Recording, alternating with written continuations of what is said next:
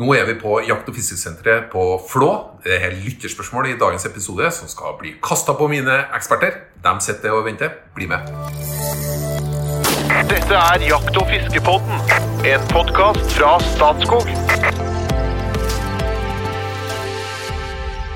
Ja, her i PC-stua så har jeg med meg to faste makkere. På min høyre side så har jeg en eh, kokk og en livskunstner og en bluesgitarist, og ikke minst en informasjonssjef i Norges Jeger og Fisk. Radiostemmen fra Asker, Espen Farstad, hjertelig velkommen. Tusen takk.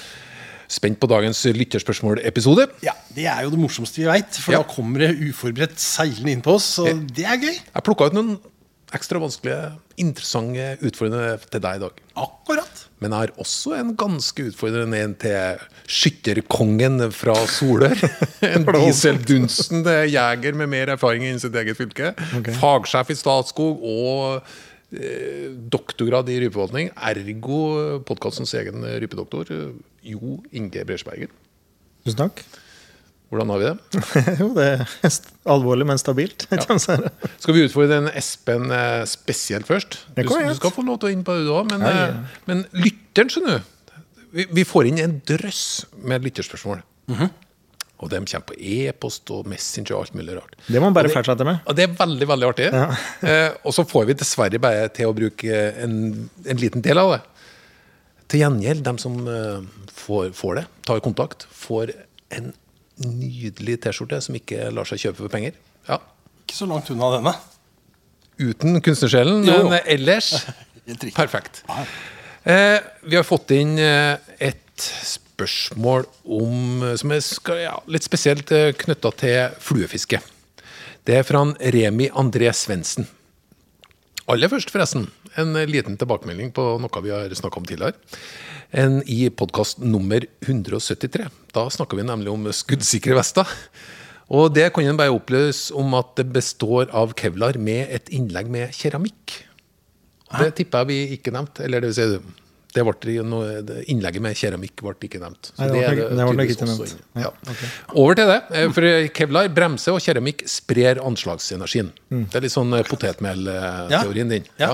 Ja, ja. Podden deres er fast underholdning hver fredagsmorgen. Lært masse. Så til spørsmålet. Som ivrig fluefisker kom jeg i prat med et par eldre karer som mente at det ikke var noe poeng i å fiske med flue idet pollen hadde lagt seg på vannet. Eh, For da var det ikke noe bitt. Det var godt med insekter som landet på vannet, men ingen vak før pollenet var skylt på land. Har kunstnersjelen noen forklaring? Dette skjedde sentralt på Østlandet, Glåmdalen. Elsker podden og arbeidet som legges ned. Hilsen fast lytter. Ja, nå får, du, nå får du drømmen oppfylt. Du får kasta på deg ting som du Ja. ikke har fått forberedt deg på. Men kanskje har du vært ute for det sjøl? Det har jeg nemlig. Ja. Eh, veldig, altså Forklaringa er vel nesten gir seg sjøl, tenker jeg. Men jeg har også opplevd det samme. eh, At når det legger seg mye pollen på, på vannet, så avtar vakinga. Eh, og jeg tror jo at det rett og slett er så enkelt som at da er det vanskelig for fisken å, å se de innsiktene som ligger på topp. Det blir, det, jeg, ser, jeg innbiller meg at det blir som et sånt litt dusa bilde. Som en som går med briller som tar av seg brillene og plutselig ikke ser helt hvor maten er. Eh, og, og sikkert da går ned og fortsetter å spise under vann, for det gjør den jo brorparten av tiden uansett. Ja. Så pollenbelegg på vannet er eh, dårlig tørrfluefiskeføre. Det er jeg helt enig i. Det er jeg helt enig i. Og bare for å føye til, det samme er når nattfisen kommer. Når? Nattfisen kommer. Hva er det? Ja, Det er den derre disen som kommer om kvelden når det bryter ned med litt kaldere vær. Så legger det seg sånn vi kaller det nattfis utover vannet. ikke sant? Da slutter det å vake. Da er det så fint. Da, ja, det er virkelig. Så da skal du egentlig sette deg ned og være litt kontemplativ, Ja, tror jeg. oi, oi, ja. oi. Ja, jeg tror det. Så det men, men jeg kan egentlig bare si meg enig i det. Pollen på vannet, noe ordentlig drit hvis du skal ut og fiske tørrflue. Ja. Men jeg skal bore litt mer. Men jeg, Jo Inge, jeg må gi deg en liten sjanse her, da. Eh, Det, det jeg tenker eh, til han, da altså jeg, For jeg tror på det Espen sier. Jeg har opplevd det samme. Men, men det er jo en begrenset periode da Ja. som pollenet ligger der. Og med litt vind så vil det jo få omrøring. Og, Så blir det og borte. få- ja, og så vil den legge seg inn til land ofte. da så, så det er jo en ytterst begrenset periode det her gjelder. da Så kanskje å fiske med nymfer eller spinner eller merk, f.eks. i mellomtida. Hva med, en, og dra, hva med dra fram en spinner, da, Espen? Eller en nymfe, da, hvis du har fluestanga. Ja, for det har jo, vi har jo hatt såpass mye om flue nå, så jeg skjønner jo at du har mulighet til å lage la noe. Det er jo ikke like gøy! Nei, da jeg, tror jeg egentlig at jeg snur meg rundt og ser om jeg finner noen Porsche-rakler tidlig på våren som jeg kan eh, samle og lage brennevin av mot høsten, eller et eller annet sånt. Noe annet, for jeg, jeg gidder ikke det. Men nå jeg hører jeg jo Rydgrens banke på døra her og sier at nå må du jaggu gi deg, og det har han jo rett i, selvfølgelig. Men sånn er det nå. For meg er sportsfiske en glede, og den gleden er knytta litt til tørrfluefiske, da. Ja, ja. Nei, men eh, han, han fikk svar på spørsmålet på Ja. forklaringa på pollen, da. Ja. Bra. Så skal vi inn på et, enda et spørsmål til deg. Det går på avtrekkermekanisme. Nei da, jeg skal, jeg, jeg skal, jeg skal spesielt ta det til deg, Jo Inge. Okay. Det er en som heter Edvin Norheim Edvardsen. Send oss en melding, Edvin, så blir det T-skjorte på. Hei! Her kommer et lytterspørsmål. Hvor tung avtrekksmekanisme bør man ha? Det er sikkert litt smak og behag, og veteranen Breisjeberget har sikkert testet seg frem til dette gjennom tusenvis av skudd. No pressure. Men for oss helt ferske, hvor begynner vi? Min samboer har forresten akkurat flyttet til Østlandet, fra Østlandet til Norges flotteste by for å jobbe på Namsos sykehus. Tilfeldig neppe. Her trives en friluftssjel godt. Ja, Edvin eh, har et spørsmål om hvor tung en avtrekksmekanisme bør være. Her aner meg at det er, det er en, det er bredde i svaret som jeg, som jeg kanskje ikke ser eh, rekkevidden av. Ja, vi kan begynne. Vær så god, Jo Inge. Ja. Eh, han sier ikke om det er hagle eller refle, da, men vi kan gå ut ifra refle. da. Starte Ja, med vi det. kan starte med det. Ja. Og, og vi sier jo avtrekksvekt. Altså mye vekt må du bruke på avtrekkeren før skuddet går til. Ja. Og det, når du skutter i konkurranser, så blir jo det her kontrollert. Da er det jo regelverk på det. Okay.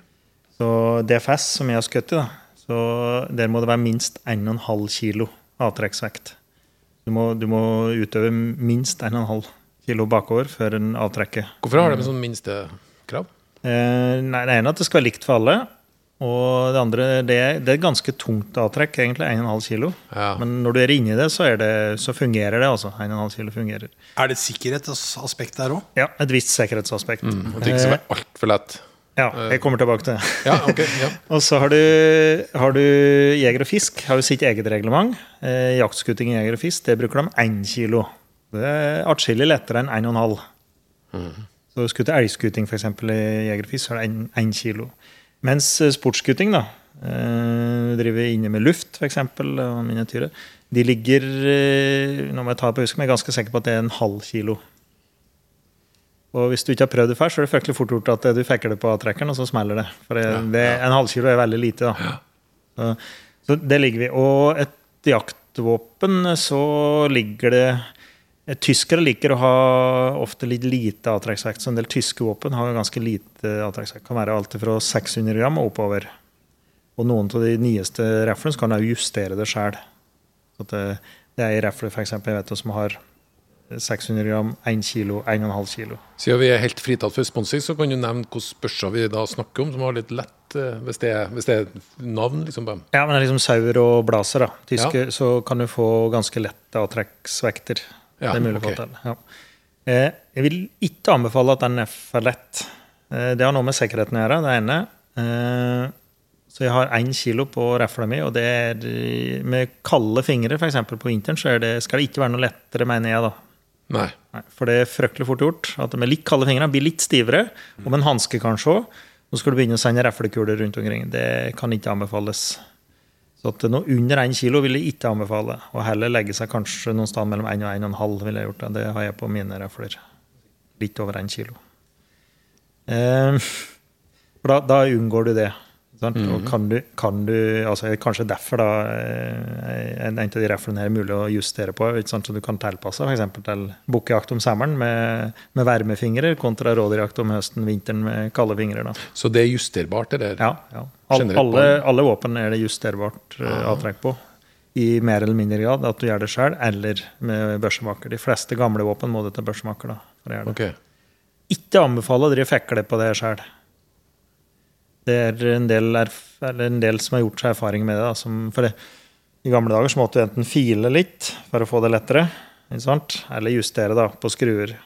Og så drev folk med det her sjøl, og så til slutt så klarte de å fyre av med to avtrekker, f.eks. Skjøt den første, og så smalt begge løpa.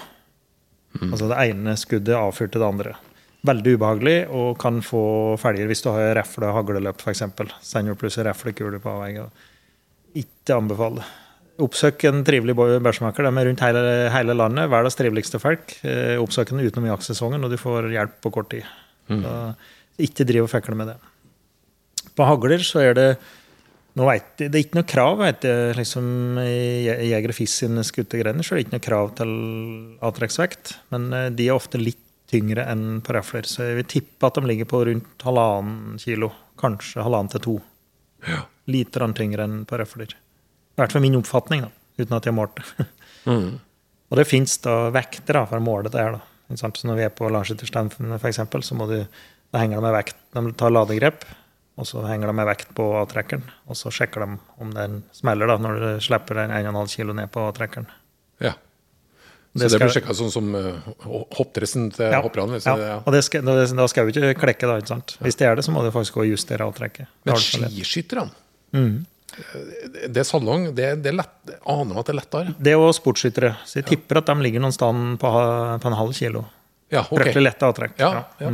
Mm. Så, og, de, og de mer eh, Det er jo ikke nødvendigvis eh, Der er det jo ikke finsekting. Altså det, er som, det er jo teknikk, da. Du puster, pusteteknikk, få den her Ja. inn i midten, så nærme midten som mulig, og så bare egentlig napper dem. De klipper blinken Ja. langt på vei. Altså, du kan ikke nappe ordentlig, men Nei, altså, du, du, er, du er ganske hard på avtrekkeren. da. Så det, her skal det smelle fort, og så skuter på en måte, du presser den inn i blinken. da. Du skuter den på en måte på veien inn. Så det, er litt mer, det ligner litt mer hagleskuting enn refleskuting, faktisk. Det han på med. Men det går an å justere det sjøl, men du anbefaler det ikke. Vi ikke anbefaler det. Bortsett fra de nye våpnene i dag, da, som det faktisk er mulighet til å justere. Da er det ingen sånn- skrutrekker, og så vrir du til ett punkt. Ja. Ja, Er det, og det framgår ganske enkelt, liksom? ja, ja. ja. Og så av instruksjonsbok. Hvordan, hvordan du det. Også- Ja. Ja, nei, ja, det er ingen tvil om. Og det er noe som heter YouTube òg, som kanskje har noen svar. Ja, det er det. Men ellers, så, hvis det ikke er beregnet på at du skal gjøre det, så oppsøk bæsjemaker, da. Ja. Men du er spent hva du tenker rundt At jeg er grenseløst uh, beundra over Bresjeberg sin kunnskapsnivå. Ja, det bare renner ut med forskjellige trykk. Og, så- så- ja, ja. Er du gæren, så er du gæren, tenker jeg. Men eh, jeg har jo ei rifle. Ja. Og den rifla har jeg aldri Jeg har ikke tenkt tanken engang. Den er som den er, og jeg forholder meg til Og det er jo for så greit, da. Ja, ja, ja. tenker jeg For at jeg har jo lært meg Jeg kjenner jo min rifle, så jeg veit hvor den går der. Det er jo det viktigste. Men, men om det er halvannen eller to kilo, har ikke peiling. Men, men jeg veit liksom hvordan det går sjøl, da. Så, og det er jo så, sånn de fleste forholder seg til det, tenker jeg. Med mindre de er konkurranseskyttere. Men jeg det er interessant, da. Ja, det. Er det. det, er det. Jeg kan ta ett eksempel. Da. Vi, hadde, vi ga jo refle til min sønn i konfirmasjon. og da, da var det samme, Den var litt eldre, tikka, og den hadde et avtrekk så hardt at jeg var på elgbanen og så ladde jeg opp. Den skulle skute, og så Jøss, jeg glemte å ta til sikringen. Og sendte den elgen en gang til. da. Ja, Den har ikke tatt til sikringen. Oi, såpass, ja. Og da klemte jeg altså jeg vant til 1,5 kilo, og den tipper jeg var borti tre. Og jeg drog og drog, og så skjedde det ikke noe. liksom bare, ok, er det noe jeg er gærlig? Og så måtte jeg sjekke. da, Tærklikket, jo, det smalt. og så tilbake. Og den justerte vi ned da, til 1,2, tror jeg vi satte den på. Men, eh, men den var nærmere 3 også. Og det var, slik- det var, sånn, når jeg var vant til 1,5, så var det slik Jøss, her skjer det jo ingenting. Det jeg lurer på, er om uttrykket 'lett på avtrykkeren' er positivt eller negativt. Jeg tror litt begge deler. Ja, Litt som 'lett på tråden'. Ja, skjønner. Ja, det er jo slå begge deler. Men eh, hagle, det, det Jeg ville tenkt at det har litt mindre betydning. I hvert fall for meg, da. Som eh, det, det, Ting går litt raskt, du drar igjennom, og så Det er jo ikke, det er jo ikke noe sånn sakte avtrekk der heller. Det er sånn på og av. Ja. Ja. Men, men det er jo der viktig at det ikke er noe kryp, f.eks. at du må dra Altså at eh, det skal, det skal være kort og kontant. Det ligger jo en hel del vitenskap bak det avtrekket der. Ja. Og skjerm det virker som du bare drar, og så smeller det, så skal det være fryktelig kontant, og det skal være med en gang når, det, når du passerer den vekta. Det skal ikke være slik at du har noe kryp på det, f.eks.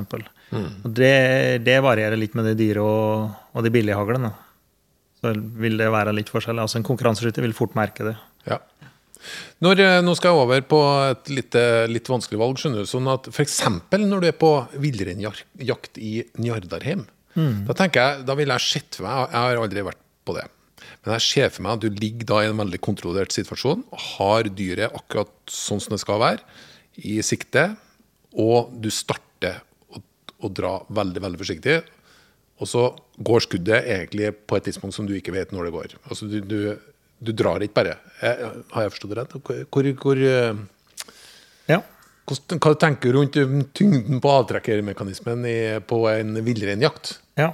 Nei, men det er, jo, det er jo det du har, da. Det trøkket du har. Og vi ligger på det, ligger på en, mellom 1,5 kilo, så vil de fleste føle seg komfortable med det. Og når vi skuter konkurranseskuting, de gangene du skuter og du ikke veit altså, Ja. det, bare, det bare smeller når den er midt i, liksom. Da på en måte, Det mener vi er et ganske nærme et perfekt avtrekk. da. Ja. Ja. Hvis du har Da det er du for ikke tungt påvirket, og da, da, da gjør ikke du noe feil nødvendigvis heller. Det, du finner deg inn i midten, og så smeller det. Ja. Og det er litt, litt overraskende. Er det en fare for at du vrir våpenet hvis, hvis det blir for tungt? Altså, altså det påvirker siktet ditt? Ja, det er det. Og det er jo bare å prøve å skutte litt pistol. og så se. Med et litt tungt avtrekk så vil du se hvor vanskelig det er å holde den i midten når du skal dra til. Ja. Det samme overfører du til rifle eller hagle for den del. At du gjør feil når du drar og du blir opptatt av eh, avtrekket og, og påvirker da, treffpunktet ditt med å Tror du folk flest har rett eh, avtrekkervekt, hva du sa? Avtrekksvekt, ja. Jeg tror de fleste forholder seg som Espen til den som de har på våpenet sitt. Ja. Ja. Og jeg er fornøyd med det. Men, men, gærlig. men tror du de ville ha skutt bedre hvis de hadde fått den justert? Noen ville nok ha det. Og noen ville ha tjent på å ha det litt lettere. Ja. Ja, det smeller litt lettere. Fikk du litt lyst til å gjøre en liten sjekk på det, eller? Jeg blir jo litt nysgjerrig, jeg er enig i det, Ja. men dette er jo liksom, dette er spesialistjegeren, og så er det allmennjegeren. Det er jo sånn som det pleier å være. Dette Ja, her. ja, ja, du skal jo ikke Det er igjen. ja, ja. ja Jeg syns, Edvin, du har kommet til en eh, flott by og hadde et flott spørsmål, og du kommer til å få en flott eh, T-skjorte. Over til Kristin Godager. Hei, tusen takk for en nydelig podkast. Er på tredje runde nå. Akkurat det, akkurat det liker jeg òg. Det er folk som har runda podkasten. De hører flere ganger. Da snakker vi, altså. Ja, nå snakker vi. Ja. Eh, og går ikke lei i hjertet. Har et spørsmål om utsetting av fisk. Hvis man skulle være så gæren og ikke spise den, hva er den mest skånsomme måten å gjøre det på? Jeg har sett sportsfiskere dra fisken frem og tilbake i, vannet før den slipper, slippes. Hva er hensikten med det? Vi snakker jo om eh, altså, enten det er bevisst eller ubevisst catch and release. Da. No, noen ganger så skal fisken ut igjen. Eh, jeg vet vi har berørt det i forbindelse med en catch and release-episode også. Det, det finnes jo både teknikker du bruker, og det finnes remedier du kan kjøpe for å bruke. Ta oss litt igjennom, Espen. Ja. Cash and release, eller fang og slipp, som det heter på norsk. Ja. Eh, det kan jo, Vi trenger ikke ta diskusjon for eller mot det, eh, men i, enhver, i noen situasjoner så kommer de fleste ut for dette.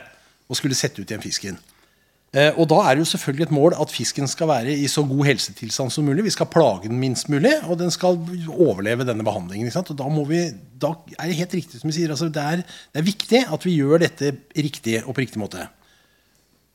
Det finnes en landsdekkende interesseorganisasjon som jobber med disse temaene. Yes, Så på Jeger og Fisk sine sider så vil du finne link eh, til, på sportsfiskesidene til eh, noen videoer som viser hvordan dette skal gjøres. Som vi har gjort sammen med eh, Eva Torstad, som er lakseforsker på Norsk institutt for naturforskning. Som har bistått oss til å lage en video rundt dette. rett og slett, Hvordan håndterer du fisken best mulig. Kan anbefales. Hæ? Veldig god. Kan ja, den er veldig, veldig god kan anbefales. Jeg er helt enig. Uh, liksom kort oppsummert, da. Så for det første, eh, fisken er et vesen som lever i vann, som vi alle vet. Den har et slimlag rundt seg. Det slimlaget beskytter fisken mot sopp, sykdommer, alt mulig sånt. Eh, veldig viktig at vi ikke ødelegger det. Hvis du tar på fisken med tørre hender, så er det fort gjort å ødelegge dette slimlaget, og da eksponerer du fisken for sykdommer og, og, og, og sånne ting. Og det, det skal vi ikke gjøre. Så fuktige hender, punkt én. Det er ingen grunn til å løfte fisken ut av sitt element. Hvis du kan holde den nede i vannet, så er det det beste. Vi har sett mange bilder av stolte sportsfiskere som løfter fisken opp. Eh, det er klart Man kan gjøre det, man skal gjøre det varsomt. Man skal være forsiktig med hvor man holder fisken. Under hodet, under spolen, ikke under magen. For da kan du trykke i stykker indre organer eh, på fisken. Okay, okay. Ja. Så den såpass, uh, ja. ja, det kan den være. Det jo, varierer jo veldig fra fiskeart til fiskeart hvor gode de er til å håndtere dette.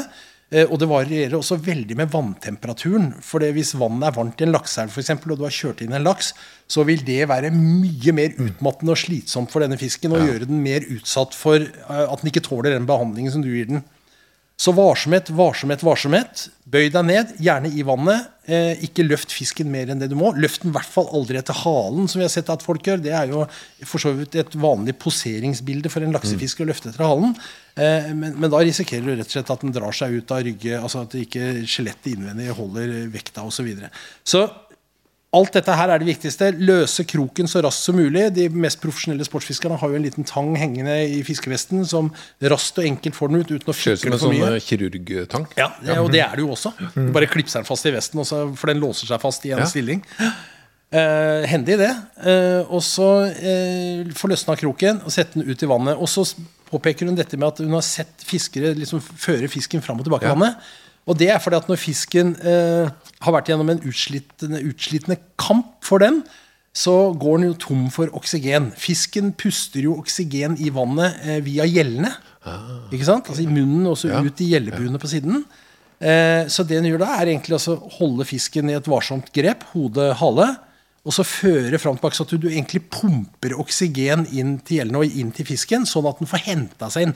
Det er altså den derre på toppen av en bakke når du har løpt opp en bratt bakke. ikke sant? Det er egentlig den.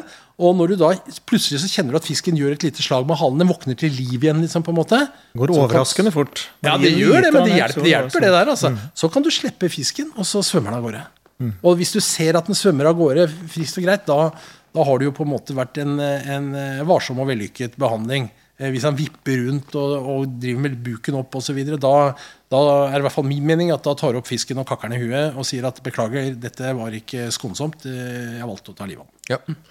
Eh, par ting. Eh, jeg har hørt noe om håv og er knutefri håv. Det? Ja, Det er blitt veldig vanlig blant de som fisker i, i vann og elver hvor man kanskje da kan risikere å få fisk som man skal sette ut igjen, av ulike grunner.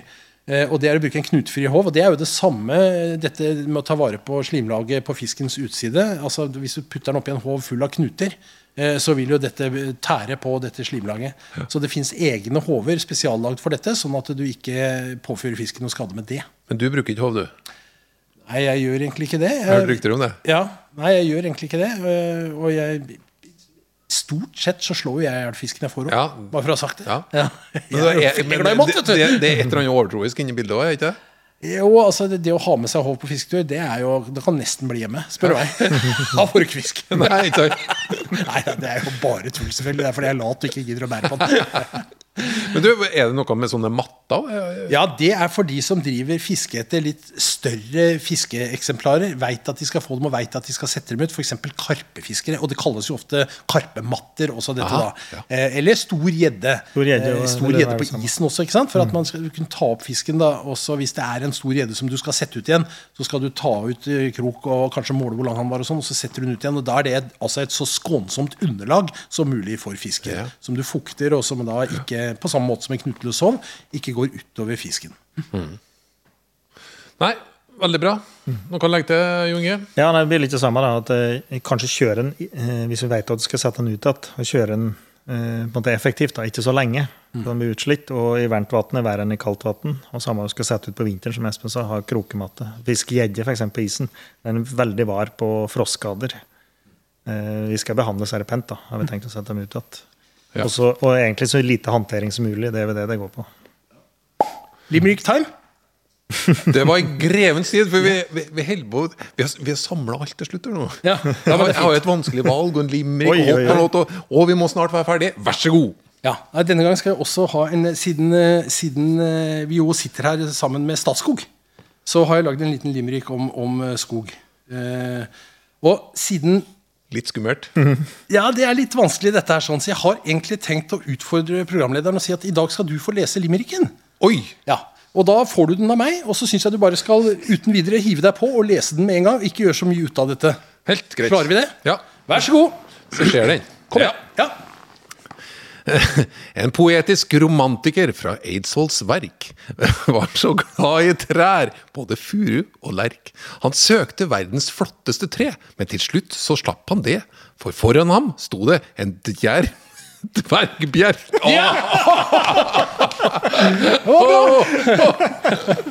Og for leserne og lytterne så må jeg jo si da at dere kan jo prøve selv. Ja. Å si djerv dvergbjerk, det er nesten umulig. Jeg har faktisk gått søvnløs i ukevis etter at du kom med Fordømte ordspillet. Vi driver og trener på deg bra, jeg. Jeg lukta lunta, synes du, så jeg bare begynte å grue meg nedover. Ja, ja. Nei, Men eh, jeg syns den var hot. Ja, det var hot, ja. Men du, eh, ikke, vi, vi kan jo ikke Et lite sånn Jeg var inne på villreinjakt, ikke sant? Vanskelig valg. Villrein- Villreinjakt i Njardarheim, det var nesten vanskelig det òg. Eller rypejakt i Børgefjell.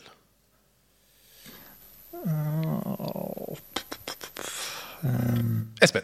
Villreinjakt. Ja, jeg ender jo på det òg. To villreinjakt. Ja. Ikke så verst. Men eh, da skal jeg øke opp eh, farten med hot or not. Det er litt sånn annerledes hot or not i dag. Eh, Det er litt tematisk. Ok. Mer norsk energi fra Jo Inge starter. Modernisering av vannkraftverk. Hot or not? Hot. Hot. Utbygging av eksisterende vannkraftverk. Hot or not? Uh, hot. Ja, hot. Ok. Utbygging av nye vannkraftverk. Hot or not? Not. Ja, not. Bioenergi gjennom mer råstoff fra skogshogst. Hot or not? Hot. Ja, det er så hot. Atomkraftverk. Hot or not? Jeg må nesten si hot. Ja, not.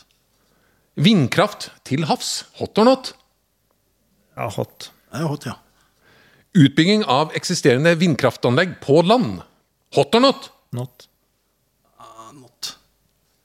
Bygge nye vindkraftanlegg på land. Hot or not? Eh, not. Ja, det er not.